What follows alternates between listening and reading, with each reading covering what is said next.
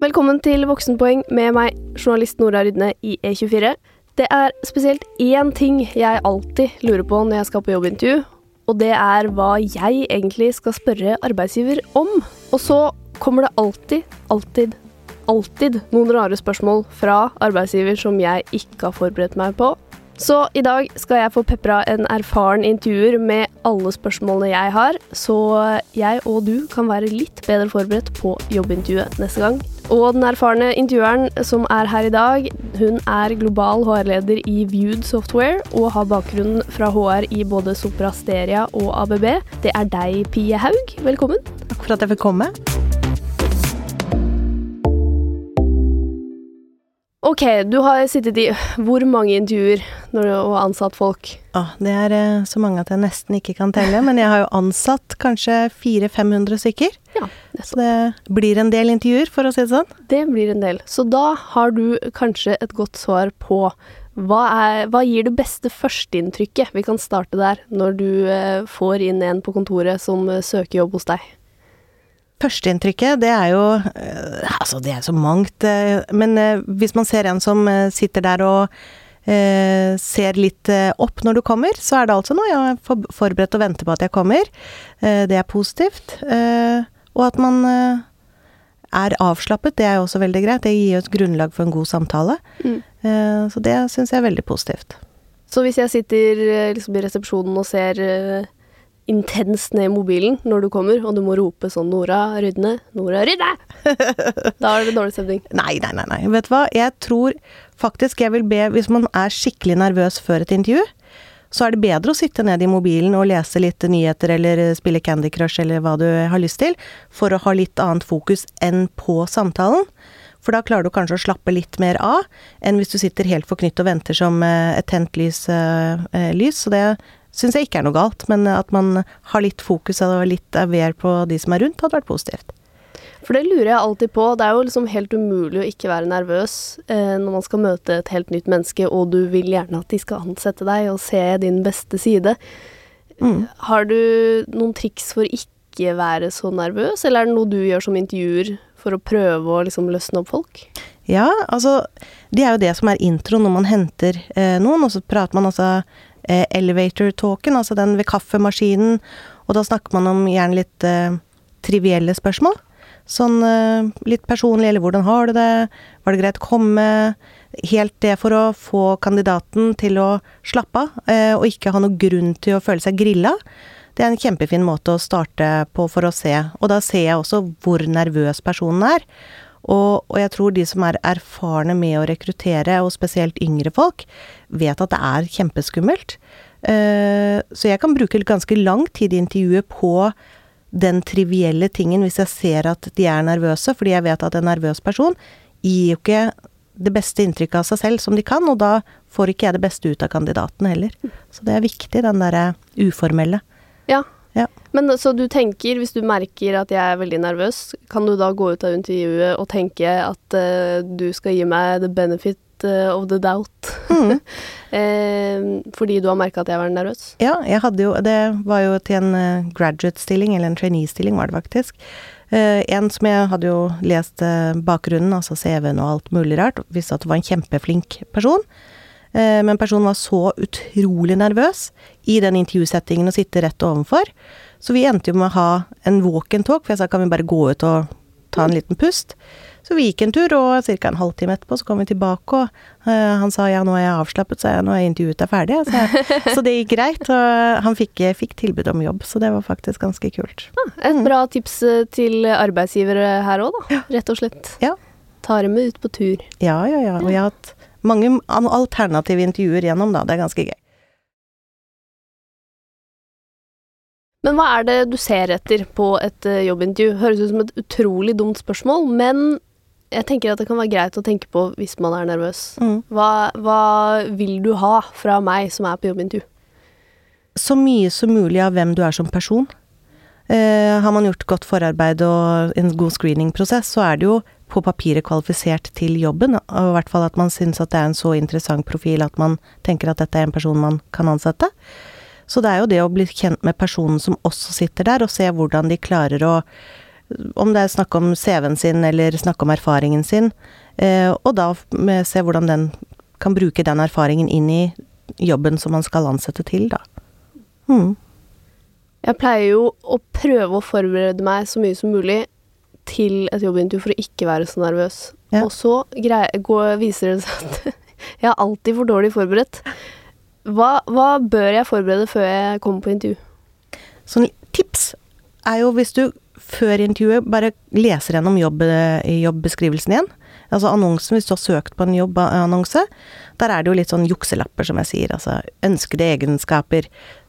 Prøv å se gjennom de, og prøv å relatere deg og dine erfaringer og din, eh, din kunnskap og kompetanse til dette, for da klarer du å linke deg inn til jobben. Mm. Eh, og så er det viktig å fokusere på hva er dine styrker inn der, og komme med gode eksempler på det. Eh, så er det en kjempefin måte. Les litt om selskapet. Du trenger ikke å gå ned i detaljen, men den om oss er alltid grei å prøve å skanne gjennom. Og, og hvis du har skrevet en søknad også, ikke bare en CV, så les gjennom hva du skrev i den søknaden, for det er en av grunnene til at de har plukket deg ut av søkebunken, i tillegg til CV-en, da. Så det, mer enn det trenger man ikke. Og puste do. Ja. Og husk å puste. Ja, å forberede puste. Øve seg på å puste. ja, vi var jo litt igjennom det på eh, forrige episode. Eh, om søknad. At man burde sjekke ut litt sånn sosiale medier og sånt eh, også. Mm. Men hvilke, hvilke spørsmål er helt sånn klassiske som jeg må forberede meg på? Mm. Det er jo sånn intervjusforskler, som jeg sier. Styrker, svakheter. Kommer alltid det opp av en eller annen grunn. Gå gjennom CV-en din. Eh, hva lærte du? Og så går, ofte, eller går man ofte ned i enten én rolle eller et prosjekt litt spesifikt. Eh, så det er viktig å tenke gjennom bakgrunnen din og hva du har gjort, og eh, ikke bare hva prosjektet eller oppgaven var, men hva du faktisk gjorde. Hva var du lærte i den eh, settingen, det prosjektet? Hvordan kan det brukes inn i nytt selskap eller ny rolle? Det hvis man forbereder seg på det og klarer å svare godt der, så er det veldig, veldig positivt, da. Ja, for du fortalte meg at du hadde, og det har vel sikkert mange andre også som eh, sitter i sånne intervjuer, lært seg en sånn metode som du kalte Star. Star. Ja. Ja. Jukselappen min. Uh, ja, jeg er litt sånn slavisk. Eller jeg, jeg, nå er det jo ikke slavisk, for det er ganske naturlig når jeg snakker. Uh, for jeg prøver å ha alle intervjuer som en samtale og en dialog, og ikke et forhør. Hvis man får den forhørsapproachen, så funker det veldig dårlig, i hvert fall for meg. Kanskje funker veldig bra for andre, det vet ikke jeg. Men jeg føler at i hvert fall kandidat setter pris på en litt mer samtale og dynamikk, da. Men STAR, det går på Nå er det litt sånn engelsk-norsk her, da, men situation, task, action and results. Og når jeg spør kan du fortelle om et prosjekt som de kanskje har skrevet om på CV-en, så må de fortelle igjennom, og jeg er ikke fornøyd før de har gått litt i dybden, og det er jo da dybdespørsmål, da. Nå må du først fortelle om situation eller prosjektet. Eh, task, hvilke oppgaver er det du som kandidat gjorde i det prosjektet? Kanskje det var et prosjekt med 20 stykker. Da gjorde du ikke alt, men du gjorde noe. Eh, hvordan gjorde du det? Action. Hva, hva var det du faktisk gjorde for å løse dine oppgaver?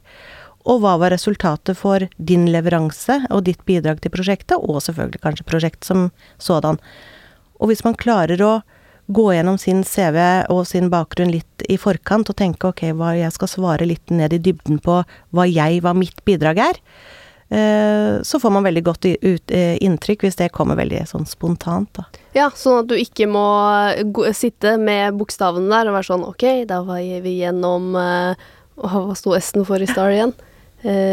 Star, uh, situation. situation. Ja. Ok, greit, da neste punkt. Da, da vil du helst Du vil begynne med situation, og Mhm. så skal jeg da helst eh, eh, sørge mm. for tar selv. Mm, ja, ja, nettopp. Og det er det Jeg sier jo mindre spørsmål jeg trenger å spørre, jo bedre flyt er det. Og da er det jo kanskje litt sånne nudging spørsmål for å eh, få samtalen til et annet sted. Mm. Men da blir det jo en veldig fin flyt, da. Mm. Nettopp. Ok, Ja. så det jeg burde gjøre, er å gå gjennom CV-en min og se for meg hvilke prosjekt eller stilling er det dere kanskje er mest interessert i å høre om. Ja, og så tenke gjennom litt sånn Hvilke valg er det du har tatt? Hva var det du tenkte på? For jeg, tenker, jeg spør også veldig mye om motivasjon, da. Eh, Hva er motivasjonen hvis du er nyutdannet? Hva var grunnen til at du valgte det studiet? Eh, tenk litt Ha et lite svar, da.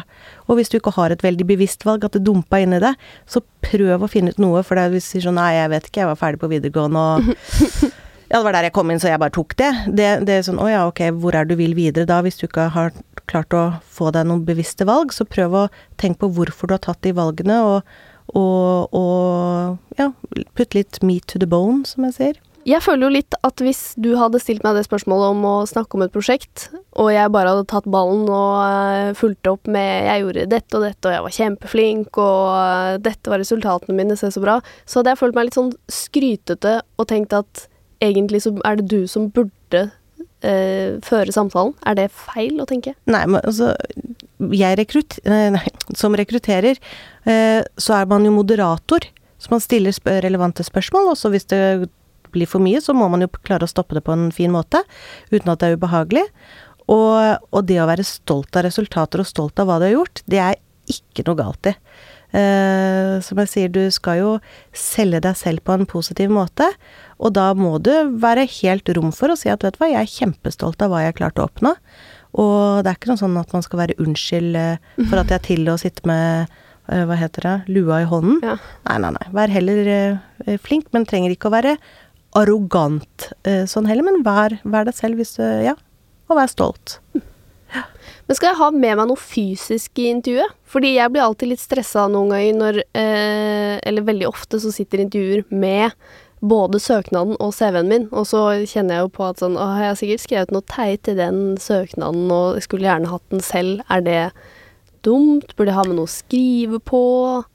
Jeg tenker man kan jo ha med notatblokk hvis man føler føler på den usikkerheten og liker å ha noe, og da har man også gjerne en penn man kan sitte og klemme litt på også. Det er helt naturlig. Og der kan du ha notert noen spørsmål, hvis du tenker gjennom hvis du man får jo alltid det, det til slutt. Har du noen spørsmål? Så, så, hvis du har noen, så kan du notere de, for jeg lover deg at de aller fleste glemmer de hvis de ikke har skrevet de opp, fordi Eller 90% av gangene med nyutdannede og yngre folk. Og jeg spør jeg har du noen spørsmål til meg, sier sånn «Eh, Nei, ikke nå. Og det er, selv om de kanskje egentlig hadde før, så er det en sånn spontan måte å, å, svare på. Jeg vet ikke hvorfor, så hvis du har det skrevet ned, så kan du bla frem det, da. Og det viser jo at du er forberedt, da. Ja, det er smart. Ja. For jeg blir jo ofte nervøs og glemmer alt det smarte jeg skulle si, og så går jeg ut og bare Åh, idiot. Ja, den, den er ikke dum. Den ja. er ikke dum. Så er det lov å ringe etterpå, og det sier jeg. Har du spørsmål etterpå? Jeg kom etterpå? på noe. Ja, ja, ja. ja. Jeg syns jo det er hyggelig. Har det skjedd? Ja, ja, ja. ja. Sånn, ja, jeg glemte det, og jeg lurte på det etterpå, om det så Det er eksempel hvis man snakker om eh, eh, lønn og sånne ting, det er litt kleint å ta eh, face to face. Man blir litt kanskje satt, eh, satt, litt ut. Og da er det helt greit hvis man eh, sier det etterpå, eller sier sånn ja, jeg syns det var litt vanskelig, eller tok meg litt off guard og sånne ting. Helt greit. Å, men det har jeg faktisk lurt på, for det har jeg sett i sånne eh, klassiske Dette må du ikke gjøre på jobbintervju så har jeg sett at du ikke burde spørre om lønna.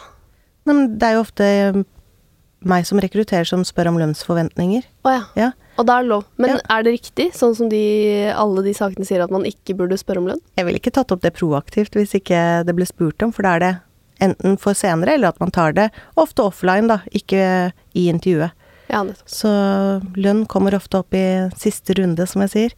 Å ta opp det i første, det blir litt sånn å ja, ok. er det litt arrogant? Kanskje? Nei. Nei, altså sånn. Men uh, jeg skal ikke si det er ikke noen fasit på hva man skal gjøre. Men jeg ville ikke gjort det. Vi har jo kjepphestspalten vår uh, her, uh, Pie. Har du en uh, jobbintervju-kjepphest?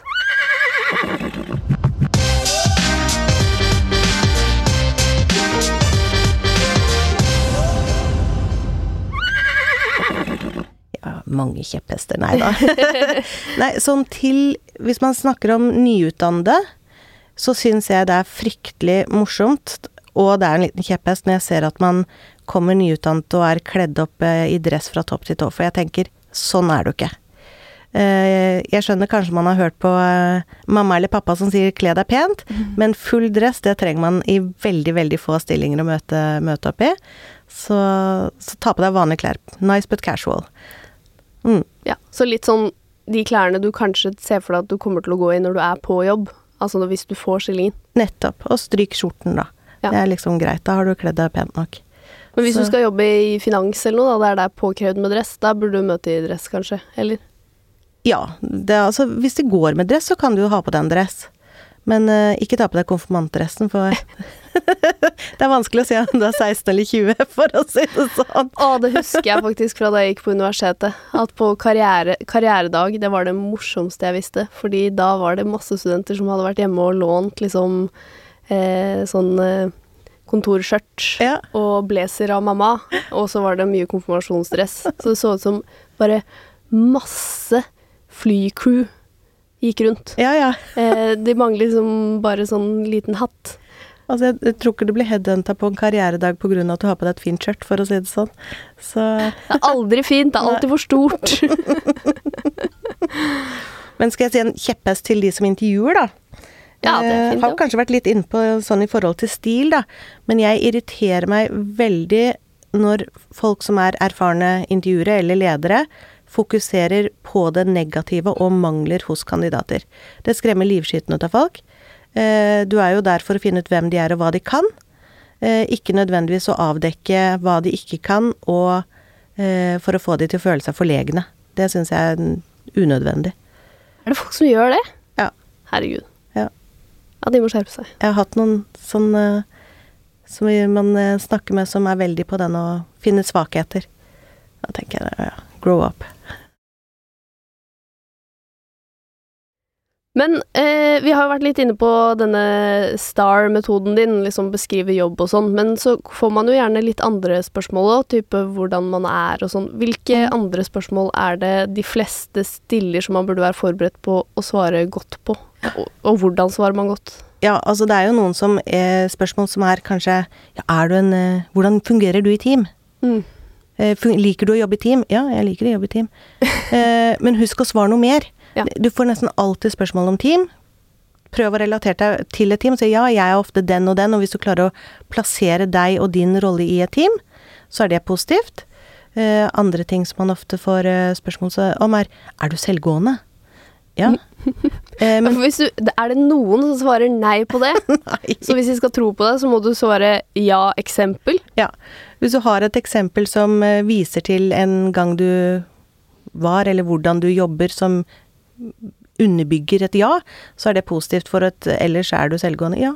Så kan du stoppe der, og da blir det litt sånn stakkato samtale. Eh, tror jeg hvis eh, man får bare et sånn ja-spørsmål, nei, svar tilbake, så tenker jeg åh, gud, det var dårlig stilt spørsmål, for man som intervjuer så skal man jo åpne, ha åpne spørsmål, ikke ja og nei, men ofte så begynner man for å så gå lenger ned i dybden med et ja- og nei-spørsmål, og så bygger man på det. Ja. Men hvis man klarer selv å bare komme med det, så er det jo Ja, for det er jo egentlig i den som blir intervjuet sin favør, det at man kan liksom velge litt de beste tingene man har gjort, da. Mm. Så hvis man er nyutdanna, da er det vel typisk at man svarer jeg, jeg har skrevet bacheloroppgave eller masteroppgave, og det Mm. gjorde jeg sjæl.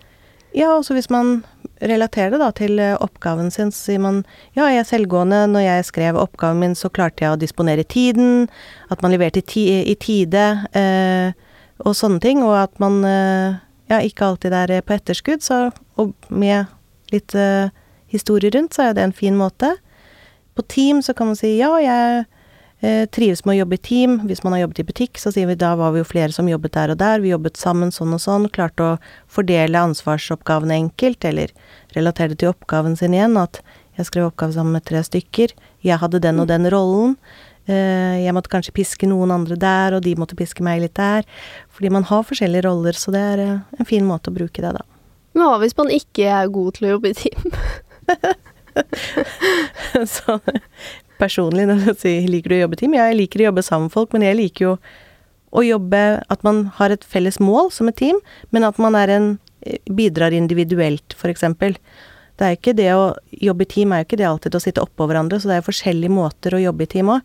Så hvis du liker og foretrekker å jobbe alene og individuelt, så kan du si ja, i team så liker jeg å bidra på den og den måten, og jeg liker litt fred og ro rundt meg når jeg faktisk jobber. Så det En fin måte å si det på. mm. Men fins det noen spørsmål som du tenker er utdatert eller dårlige, eller noe man liksom ikke burde svare på, eller sno seg unna på en litt smart måte? Mm. Ja, det er mange det. Det er jo noen ting man ikke har lov til å spørre om, som Ja. fortsatt folk spør om. Eh, Som eh, er du gravid eller planlegger du å bli det, ja. de der? Og, og da tenker jeg sånn det, Da får man bare se dumt på det og tenke sånn seriously.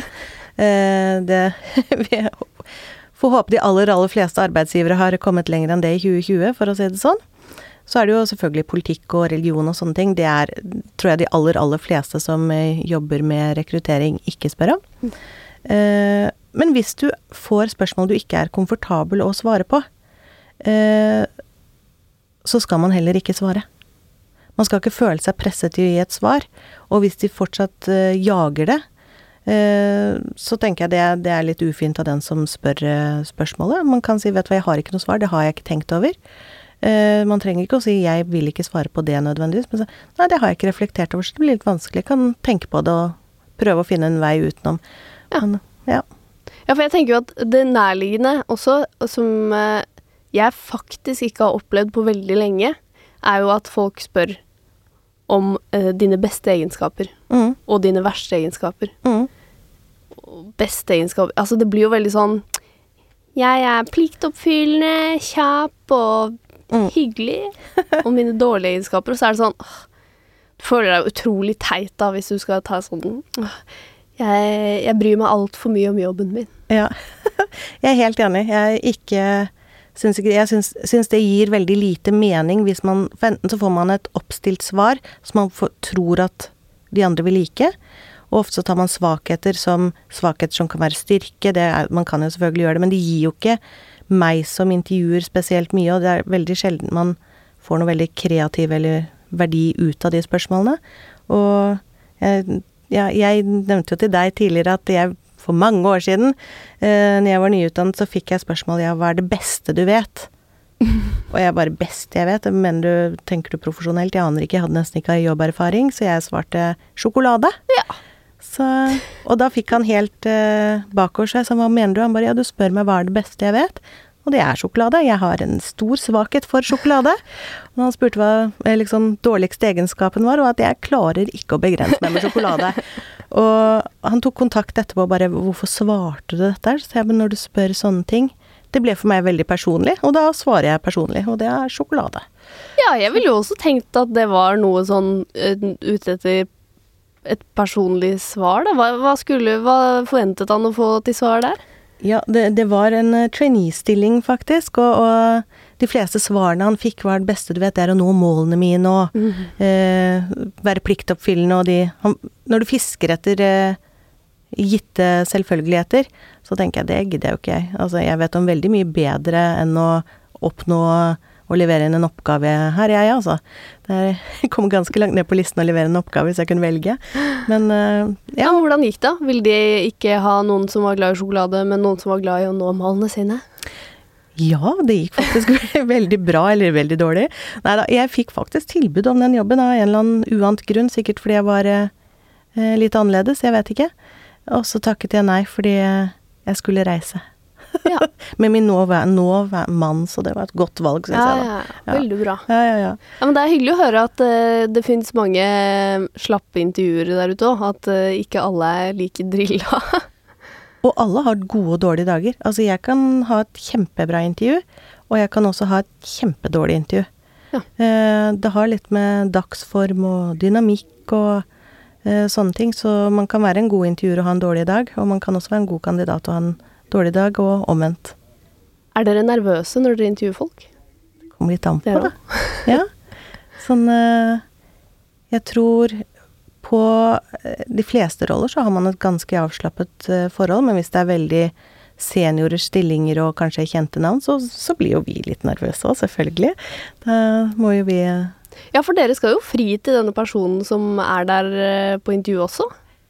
Ja, vi skal gjøre oss så attraktive som mulig, og så sier jeg, men vi skal også være eh, ærlige. Så jeg syns det er veldig funny på sånn karrieresider. Hvis du går på forskjellige selskapers karrieresider, sier egentlig akkurat det samme. Vi er fint og flott, og vi gjør ditt og datt, og det er jo ikke Mm. noe forskjell, det er jo hvordan er det man er forskjellig. Um, og jeg tror at veldig mange av de dårlige ansettelsene eh, som man har gjort, for det gjør man også noen av, er veldig ofte at man eh, det er galt i forventninger, da. Hvis man overselger en stilling og sier 'dette er kjempebra', og så er det egentlig ikke det. Ta en liten reality-sjekk med deg selv når du skal presentere stillingen også. Så sånn at man eh, er ærlig begge veier, da. Ja, for du vil jo helst ikke ansette noen som slutter med en gang fordi de har blitt forespeilet en jobb som ikke eksisterer. Ja, og, og, det er mitt råd til ledere, som ofte har vært i selskapet en stund, eller er glad i jobben sin og selskapet og er gode ambassadører. Det er at de skal til kandidaten fortelle om den jobben de skal ansette til, ikke om sin egen. Nei. For hvis du kommer inn som nyutdannet, så er det ikke sikkert den jobben er så spennende som din jobb som du har hatt i ti år. Ja, ja. Eh, kanskje den ikke har så mye friheter eller mandat eller sånne ting. Så husk å forklare den jobben som personen skal ha, og ikke din jobb. Men har du noen tips hvis du faktisk blir spurt om det der med dårlige sider? Nå har jeg jo følelsen at det ikke er så mange som gjør det lenger, men skal du være ærlig? Kunne jeg sagt at jeg biter negler, liksom? ja, det hadde vært gøy. Nei da, men jeg tenker sånn Enten så kan man jo ta den som veldig mange gjør, at man sier en sånn dårlig side som kan også være positiv.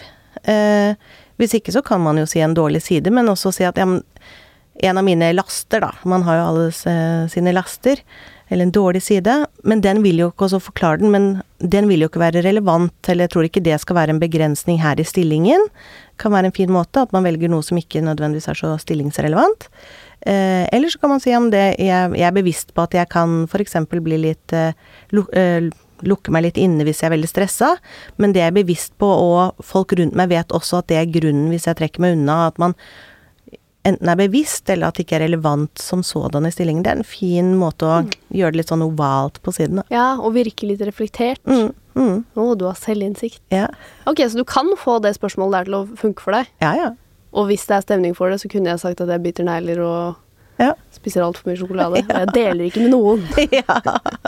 Men du trenger ikke å ta de der lastene som faktisk er litt ekle for andre, da. Så, nei. Nei, nei. Jeg røyker inne, og noen ganger så tar jeg litt heroin. Ja på do. Og la brukerutstyr ligge. Ja. Er dere medlem av Akan? jeg håper ikke det, for det er ikke aktuelt for meg. Nei, nei nettopp. Men så er det jo denne øh, verste delen, den delen jeg hater. Hvilke spørsmål skal jeg stille? Og der har jeg igjen øh, lest veldig mange artikler om jobbintervju som er sånn Du kan ikke svare nei når du får øh, spørsmål om du har noen spørsmål til arbeidsgiver. Altså, det er jo alltid veldig vanskelig, så prøv å notere det litt før forkant, så er det superfint, for da glemmer du det ikke. Uh, og jeg tenker det som jeg Tenk tilbake hvilke spørsmål er det jeg liker, og hvilke spørsmål er det som har tatt meg litt off guard, på en måte. Men spør leder, uh, hvis det er leder som er der, og ikke nødvendigvis en rekrutterer eller HR, så kan man si hvem, hva er det du ønsker at denne rollen skal bidra med? Hva er de viktigste prioriteringsområdene når man starter? Eh, det er sånne ting som da de må og skal og bør kunne svare på. Eh, så kan man også spørre om eh, Kan fortelle litt om teamet og dynamikken i teamet.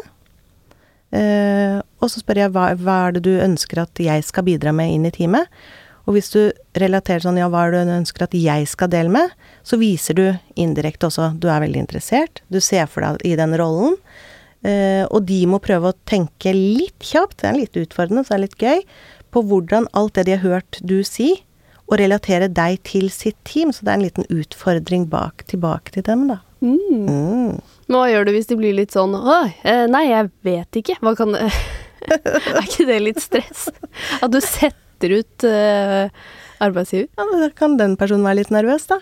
Så ja, kanskje lært litt av de òg. Nei da. Men det er viktig for ledere å vite hvem de skal ansette, ja. og hva personen skal gjøre. Jeg tror det er mange som kanskje ikke har et 100% bevisst forhold til det. Men da tenker du, hvis jeg stiller et sånt spørsmål, sånn hva vil du at jeg skal gjøre, hva er det viktigste jeg kan bidra med, da hadde du blitt litt imponert? Ja. Jeg tenkte sånn, ja. Det vi faktisk ønsker, er dette og dette. Mm. Eh, og hvis man spør om dynamikken i teamet, så viser det jo eh, fort om personen kjenner til teamet. Ja. Og kjenner det godt. Eh, så hvordan de forklarer. Og hvis de ikke kan svare på det, da er det sånn, da kan du be dem om å finne ut av det og ringe deg tilbake, eller? Mm. Det er jo litt fint, da får du jo opprettholdt en kontakt. Mm. Og jeg tenker det som er veldig viktig når man, hvis man er til stede, da, som eh, eh setter bort fra 2020, Eh, så bruk øynene som kandidat når du er der, for du går ofte gjennom noe. Se hvordan dynamikken er, de som sitter der. snakker Sitter de, er det uformelt? Ja. Håper ikke det. Men, eh, men er det veldig stille, eller er det noen som kan snakke? Er det noen som er ved kaffemaskinen? For det sier veldig mye om det miljøet du skal inn i, da. Mm. Det går to veier. Du skal faktisk være der ganske mange timer hver dag. Det er jo sant. Det er lett å glemme når man er nyutdanna. Mm.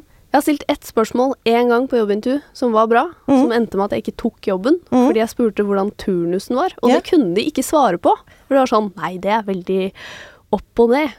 Ja, har jeg en uke kveldsvakt og en uke morgenvakt og hva Ja. Nei, det, det er veldig opp og ned. Ja. Og da er jeg sånn mm, Ja vel. Da tror jeg jeg takker for meg. Ja, da gir de sikkert alle de dårlige vaktene til de nye inn, vet du. Må Ja. jul og Eller veldig sånn eh, Oi, vi har ikke helt oversikt, ja. Eh, da jobber du kveld eh, mandag og onsdag og fredag, og så jobber du fra klokka fem eh, tirsdag og onsdag. Det er sånn Ja, nei, da ble jeg oppgitt, ass. Eh, men det var jo veldig greit å få avdekka. Jeg hadde jo fort tatt den jobben, og så blitt dypt deprimert eller sykemeldt, eller jeg vet ikke. Ja, og så er det lov å si nei til en jobb. Altså sånn Hvis du ikke får en god følelse, så er det lov å si, vet du hva, dette var ikke helt det jeg tenkte meg. Uh, det er vanskelig å tørre det, i hvert fall når man er ny i gamet. Da, da vil man jo bare ha hva som helst. og så er det ikke så farlig, da. Jeg tenker som første jobber, enten så finner du ut at du liker det, eller så liker du det ikke. Liker du det, så kan du fortsette å gjøre en god jobb og ende akkurat hvor du vil. Liker du det ikke, så kan du være der stille og så søke det ut og finne noe annet som kanskje er bedre. Det er ikke noe It's just a job, liksom. Ja. det er greit å senke skuldrene litt, kanskje. Ja. Ja. Men har du noen klassiske tabber, da? Klassiske tabber? Nei, jeg tror Altså, hvert intervju er jo individuelt, det også. Jeg tror den morsomste tabben hendte ikke meg, men hendte en annen jeg kjenner godt. Uh, som kom inn, og der tok personen av seg på føttene, for han var så varm. Jeg tenkte sånn Det var kanskje litt koselig. Veldig funny, da. Eh, jeg har hatt en som var kjempeflink til jobben, men kom i et ganske eh, formelt, ikke veldig formelt, men relativt formelt eh, miljø. I joggebuks og utvasket T-skjorte. Mm. Og så sa jeg, vet du hva, altså dette går ikke. Eh, neste gang så må du ta på deg et eller annet, jeans og en genser. Eh, fikk jobben til slutt, da, men eh, Ja, du sa faktisk det. Du må Ja. gå hjem igjen og skifte. Ja, jeg sa du kan ikke komme inn sånn, da kommer du ikke til å få jobben. Ja. Og jeg hadde sett CV-en, CV-en var kjempefin, den. Men jeg kunne jo ikke Ja, for jeg, jeg, kjente lederen godt, da. Oi. Mm. Ja, for nå eh, hadde jeg tenkt at vi ikke trengte å nevne det eh, her. At liksom alle hadde fått med seg at du må eh, dusje og ta på deg OK klær. Men eh, Det er ikke alle det. Men dusj er alltid veldig positivt. Ja. Eller i hvert fall veldig negativt hvis du kommer inn og lukter vondt. ja. Men, Men det tilhører sjeldenheten, altså. ja, Det er vel eh, Ja. Men en ting jeg syns er vanskelig selv, men som jeg også hører at mange syns er vanskelig, er jo det du sier med at man vil jo helst eh, få en oppfatning av hvem personen er, men det er utrolig vanskelig. Er det noen spørsmål som man burde håpe på fra intervjuer, eller som man kanskje kan eh, forvente å få og vri over til å avdekke litt personlighet? Eller er det noen spørsmål jeg kan stille, som på en eller annen måte viser noe av min personlighet? Ja, altså man får jo et inntrykk når man sitter og snakker om eh, hvem man er i forhold til kroppsspråk og hvordan man formulerer seg og sånne ting. Eh, og så har man jo masse tester man kan bruke også, som kan gi en indikasjon eh, på personlige egenskaper, eh, også mot personlighetssiden. Men ofte spør man hvis eh, Jeg spør dine venner hvordan vil de beskrive deg, Jeg er jo sånn typisk jeg ville spurt, og så kan de reflektere litt over hm, hva tror du vennene mine ville sagt, og så eh, Eller hva Hvis jeg spør en av dine kollegaer, hva tror du? Og så Men selvfølgelig, det blir jo subjektivt. Mm. Men mitt beste råd er jo å prøve å være deg selv så godt som mulig. Fordi hvis du føler at du må sitte på intervju og gjøre deg til, og være en veldig annen person enn det du er inni der, så blir det slitsomt å komme hver dag på jobb, altså. Hvis du Ja. Hvis du må komme i de fake I konfirmasjonsdressen din og ikke være deg selv, ja. Ja. Ah, det er vanskelig, altså. Kanskje ta en shot først. ja. Det er Nei, dårlig, eller- dårlig vane hver dag, for å si det sånn. Hver eneste dag. Ja. Men, eh, men tenk litt, for det har litt med miljø og sånne ting. Det er ikke alle steder man Det kan være et kjempefint sted å jobbe, men kanskje ikke det er der du har lyst til å jobbe. Eh, Det er lov å være litt ærlig på det, altså. Mm. Ja. Avslutningen, da. Hva er det som gir eh, det beste inntrykket når jeg forlater rommet og håper at dere sitter igjen og tenker 'hun skal vi ha'? Mm. Altså man, hvis man sier ja, 'tusen takk, var kjempeinteressant', eller eh, 'takk for samtalen, håper vi eh, ses igjen', høre Altså det er så mange måter man kan avslutte, og en fasit på hva som er bra, det tror jeg ikke finnes. På videointervju er det verdens verste. Det er sånn 'ja, ja, ha det, da'. Klikk. Jeg syns det er det er veldig vanskelig. Ja, det er, så, det er jo også et issue nå, selvfølgelig. Mm. Men, men det er jo også de som intervjuer som har den rollen til å oppsummere og avslutte samtalen ved bordet eller på video. og Det er jo å fortelle litt om prosessen videre. Eh, når man merker at hvis ikke de gjør det, så er det jo det en fin måte å si ja, tusen takk for i dag, og kunne si litt om prosessen videre. Den kan man jo ta når man går ut også. Eh, trenger, og da har man liksom avsluttet fint, på en måte. Men eh, eh, det er alltid litt vanskelig. Like mange svar som ja. Ja, Utganger. litt, ja. Men du burde, du burde på en måte ha en siste setning sånn 'Gleder meg til å høre fra dere', eller mm. Ja, det er jo alltid greit. snakkes, Ja. Snakkes. Tælast. 'Prekkes'. Ja. Nei, men det Ja, intro og avslutning er eh, vanskelig, men, eh, men som regel så er det takk for i dag og håper å høre fra deg snart. Ta kontakt hvis det er noe du lurer på. Mm. Eh, sånn at du også åpner den døren til at de kan ta kontakt hvis det er noe de lurer på, da. Ja. Mm. Ja, den er smart. Mm. Og så håpe at de tar kontakt Ja. med noen bra spørsmål. ja. Men apropos video, vi kan jo slenge med noen videointervjutips og helt på tampen. Mm.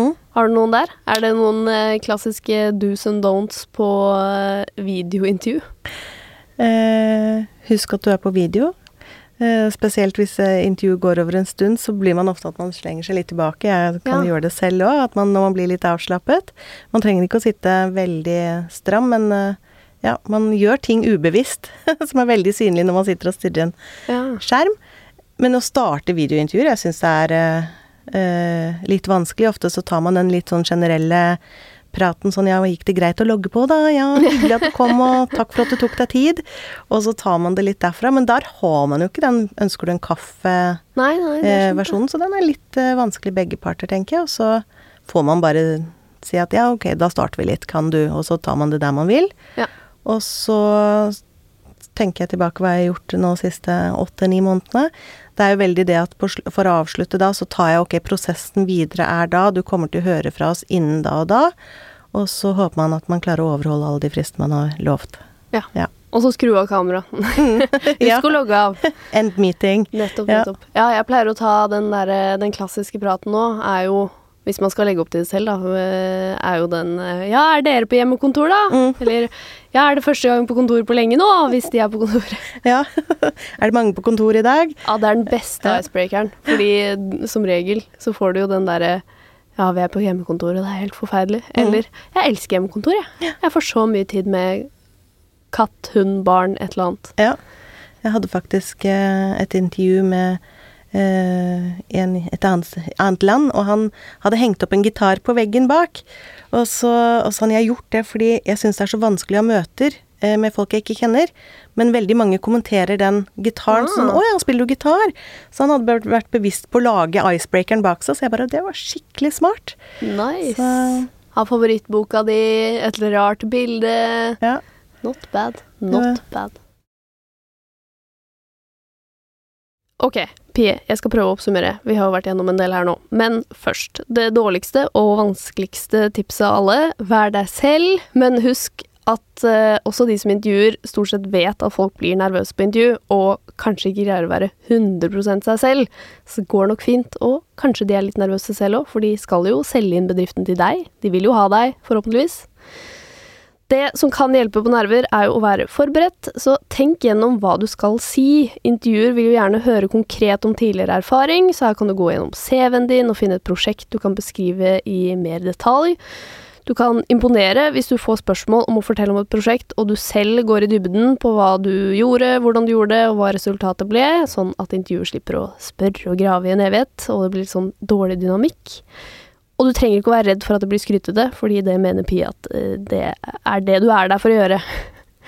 Andre spørs spørsmål som gjerne kommer opp, er hvordan du jobber i team, og hvordan du liker å jobbe, og her er det plusspoeng å hente hvis du har greid å reflektere selv rundt dette på forhånd.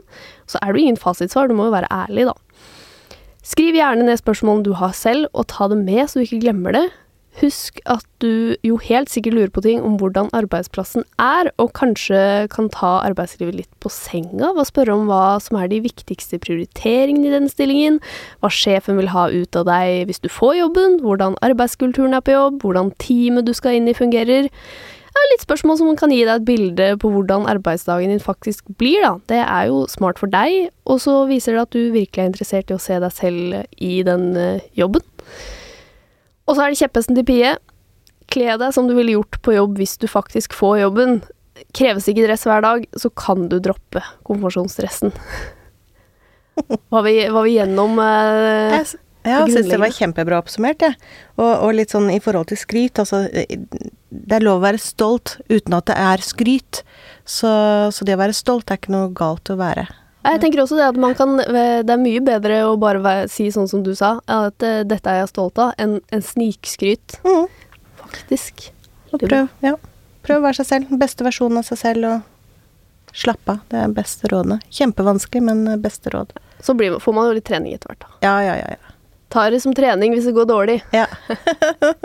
Tusen takk for at du kom hit i dag, Pie Haug i Viewed Software. Tusen takk for at jeg fikk komme. Produsent i dag, det var Kristine Masdal Odne. Og hvis du vil ha litt eh, ekstramateriale og eh, et innblikk i hverdagen vår i Voksenpoeng og masse annet, så må du gå og følge oss på Instagram. Der heter vi Voksenpoeng med Nora.